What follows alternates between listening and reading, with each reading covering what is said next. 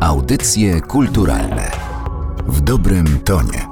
Porozmawiamy dziś o okładkach polskich książek. Dosłownie. Liternicze i typograficzne okładki polskich książek 1944-2019. To świeża publikacja, w której znajdą Państwo nie tylko wyjaśnienie, czym różni się liternictwo od typografii, ale również może okładek książek z ostatnich niemal 80 lat.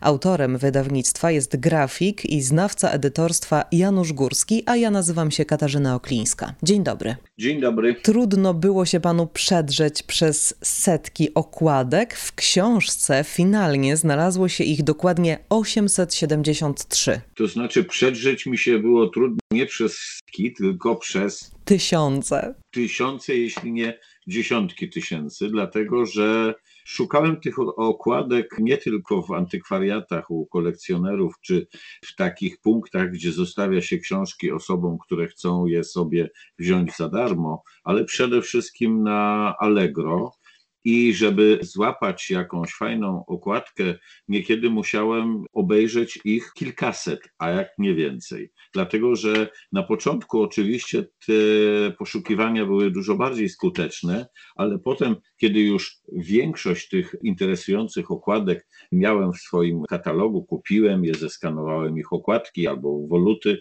to następne było znaleźć bardzo trudno. Jednak muszę przyznać, że teraz po wydaniu książki, kiedy zdarza mi się czegoś szukać na Allegro, znajduję jeszcze kolejne, które wcześniej nie znalazłem. I jest pewnie żal, pojawia się żal w takich sytuacjach. Nie, nie jest to żal, bo doskonale zdaję sobie sprawę, że to jest zbiór w pewnym sensie nieskończony, jako że ja bardzo niewiele przedstawiłem, zebrałem okładek wydawnictw specjalistycznych, takich jak wydawnictwa z nutami, a przede wszystkim wydawnictwa kartograficzne albo wydawnictwa ściśle techniczne. W związku z tym okładek literniczych i typograficznych, których nie znam, są naprawdę jeszcze tysiące, przy czym pewnie większość z nich nie jest interesująca dla grafika. No i warto mieć na uwadze, że jest to po pierwsze pierwsze wydanie tej konkretnej książki, a po drugie pierwsze tego typu wydanie w naszym kraju. Przez dziesięciolecia, jeśli interesowano się polską grafiką, to raczej plakatem.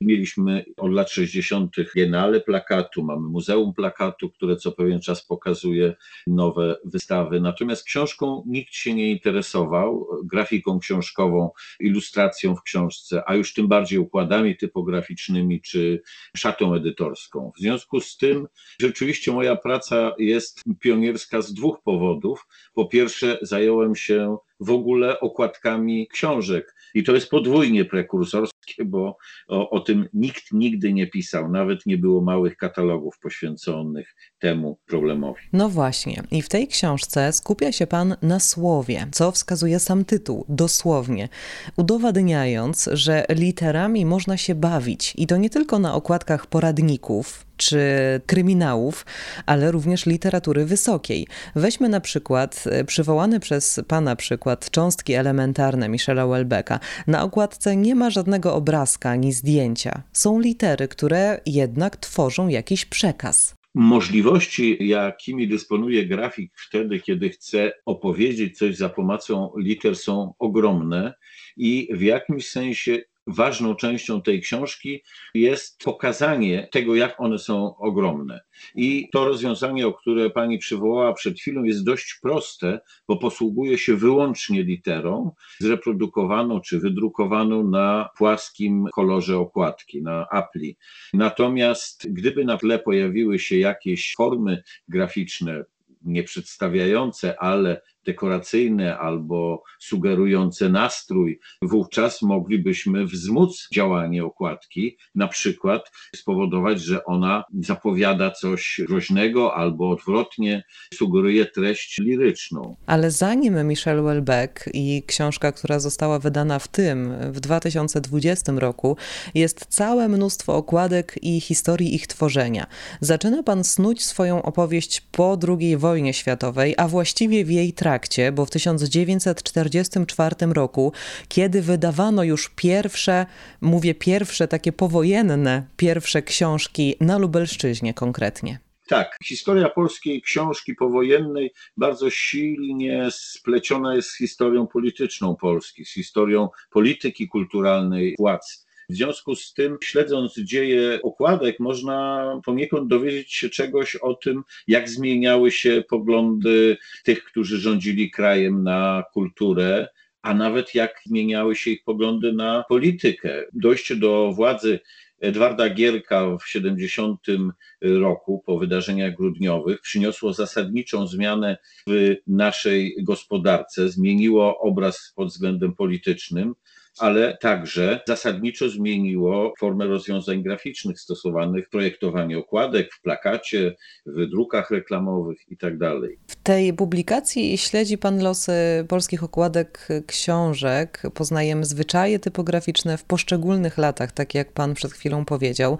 Czy któryś okres w historii szczególnie przypadł Panu do gustu, czy może jest tak, że ciągle nie czuje się Pan pod tym względem usatysfakcjonowany i ciągle czeka na coś, co, co dopiero nadejdzie na taką masową skalę. To znaczy, ja jestem bardzo usatysfakcjonowany, ponieważ uważam, że osiągnięcia polskiej sztuki edytorskiej powojennej są w niektórych przypadkach wybitne i z powodzeniem mogłyby budzić podziw na całym świecie, jak zresztą budziły w tamtym czasie, ponieważ nasza grafika projektowa w latach 50., drugiej połowie lat 50., latach 60., nie tylko budziła uznanie, ale także projekty były reprodukowane w najważniejszych periodykach zachodnioeuropejskich poświęconych grafice, jak w grafisie chociażby szwajcarskim, były robione edycje książek wydanych w Polsce w identycznej szacie graficznej w krajach europejskich. To najlepiej świadczyło o tym, że ta nasza szkoła grafiki książkowej była doceniana za granicą. Najciekawszym okresem jest okres, który zaczął się u schyłku socrealizmu, czyli gdzieś koło roku 53 po śmierci Stalina, a jego schyłek jest zbieżny z właśnie dojściem do władzy Gierka, czyli z przełomem lat 60. i 70. W tym czasie nie mówimy prawie o typografii, ponieważ liternictwu nadaje sens taki, że są to projekty robione ręką. Właśnie, we wstępie do książki rozbija pan podtytuł na pojedyncze słowa i tłumaczy, co miał na myśli. Musimy zatem teraz wyjaśnić, czym różni się liternictwo od typografii, co dla pana pewnie jest oczywistością, ale dla mnie, przyznam, zagadką. Dopiero pana książka otworzyła mi oczy. No to nie jest tak, że dla mnie to jest oczywiste, bo nawet współcześnie bardzo często te terminy są utożsamiane nie tylko przez laików, ale także przez fachowców.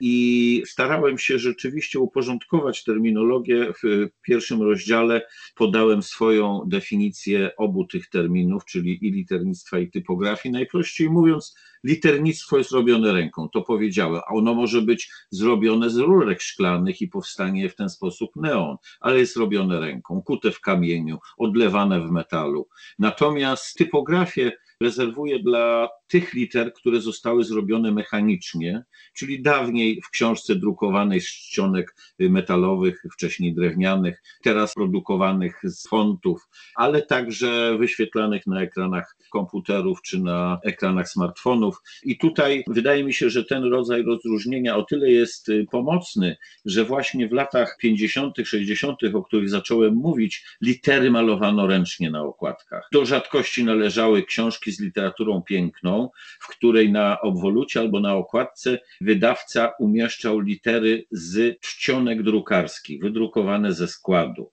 drukarskiego. Najczęściej, prawie zawsze były to okładki malowane ręcznie.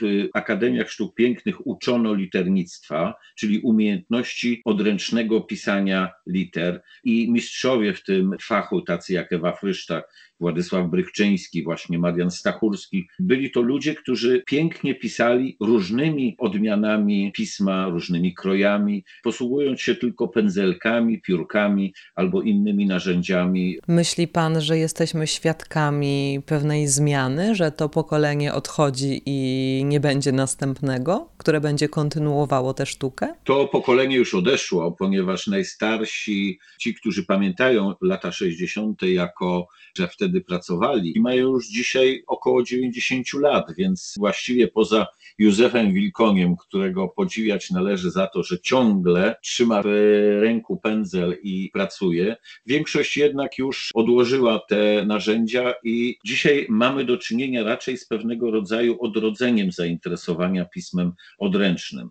I to jest o tyle niedziwne, że żyjemy wśród ogromnej ilości liter mechanicznych, nawet jeśli projektowane są coraz częściej w sposób bardzo wysublimowany, elegancki, to jednak one są mechaniczne. Nie ma w nich tego, co jest w żywej literze, czyli niedoskonałości.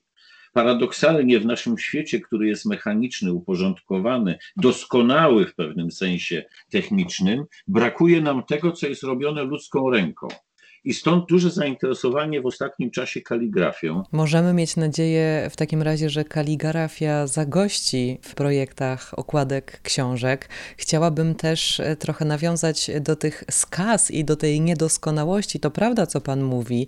Można by było tutaj przywołać choćby znaczki pocztowe, które, jeżeli mają skazę, są najlepiej opłacalne i najbardziej wartościowe dla kolekcjonerów.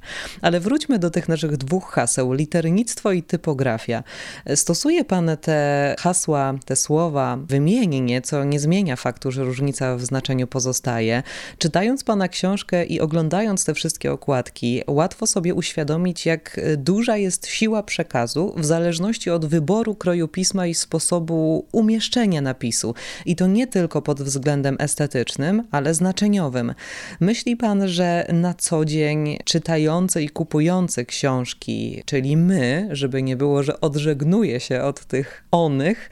Zdajemy sobie z tego sprawę? Słowem, czy myślimy o liternictwie i typografii i czy je w ogóle zauważamy? No, chyba nie zauważamy chyba nie zauważamy, dlatego że komunikat, który przynoszą litery, jest odbierany przede wszystkim jako informacja, która została za pomocą tych liter zakodowana i przekazana.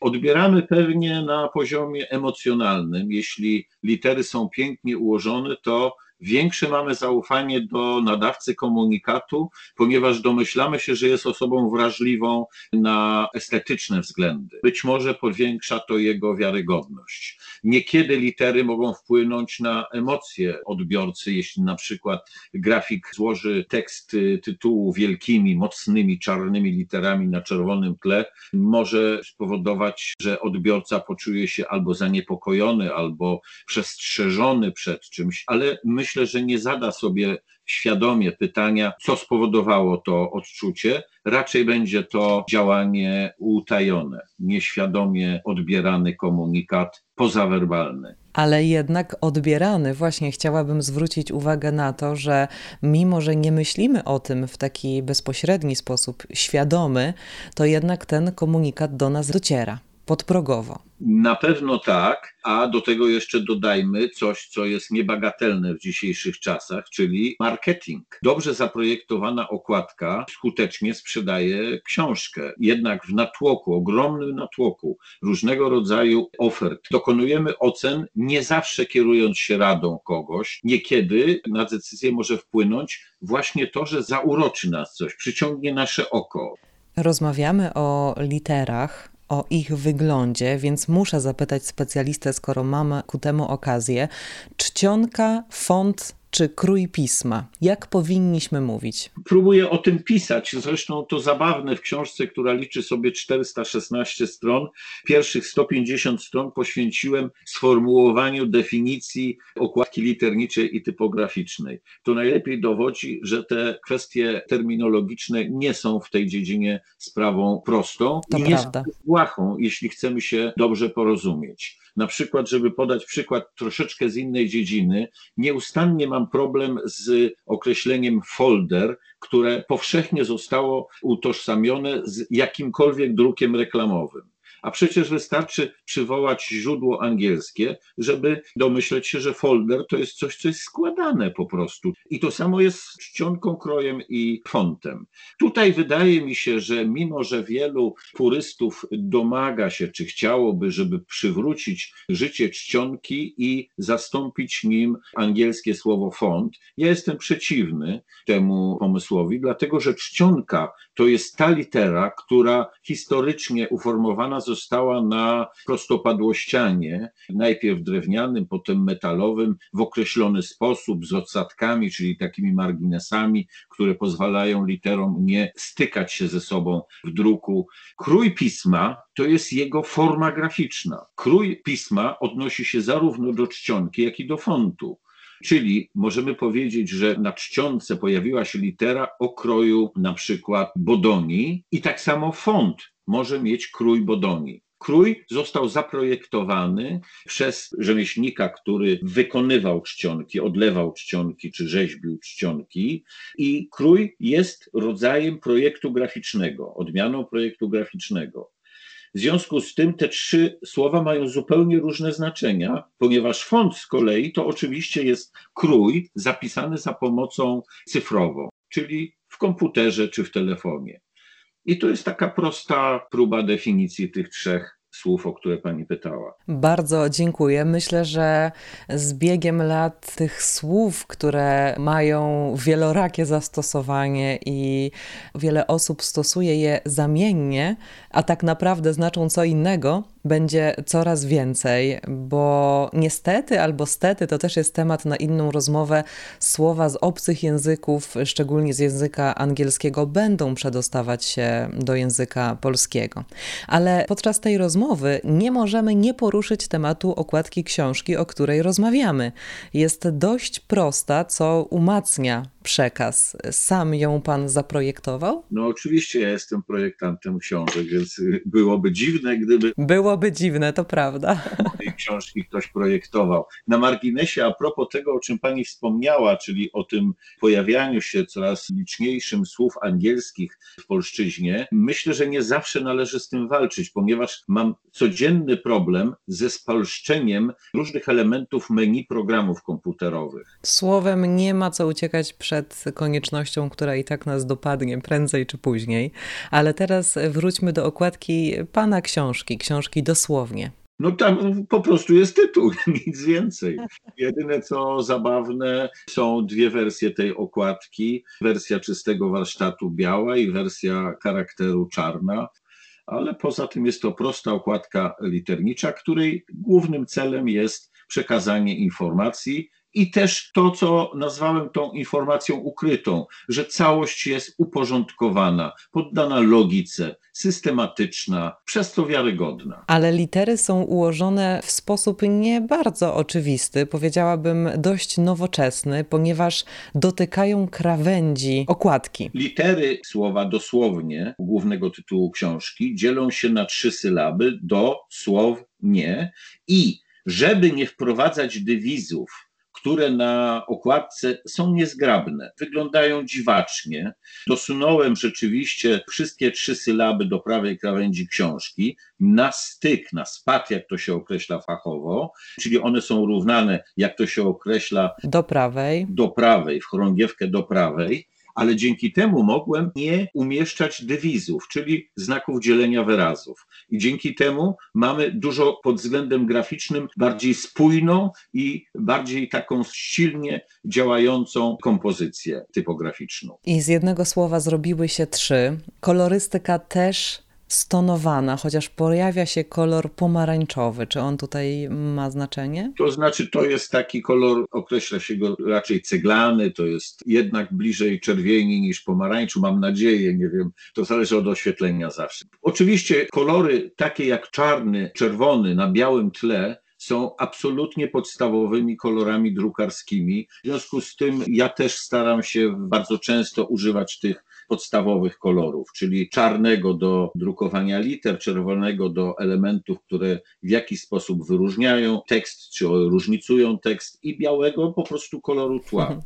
To ja na wyjaśnienie na koniec dodam, że oglądam okładkę na ekranie komputera, co może mi trochę zamazywać obraz i zniekształcać ten kolor, chociaż nawiasem mówiąc, tak może trochę nieładnie jestem po tej męskiej stronie mocy i mam problem z właściwym nazwaniem koloru, który widzę, co w rozmowie z panem może być rzeczywiście problematyczne, bo jest pan specjalistą i ma pan do tego oko, więc proszę mi to wybaczyć. Bardzo dziękuję za naszą rozmowę. Naszym gościem był grafik i znawca edytorstwa Janusz Górski, a także autor książki Dosłownie liternicze i typograficzne okładki polskich książek 1944-2019. Dziękuję. Audycje kulturalne w dobrym tonie.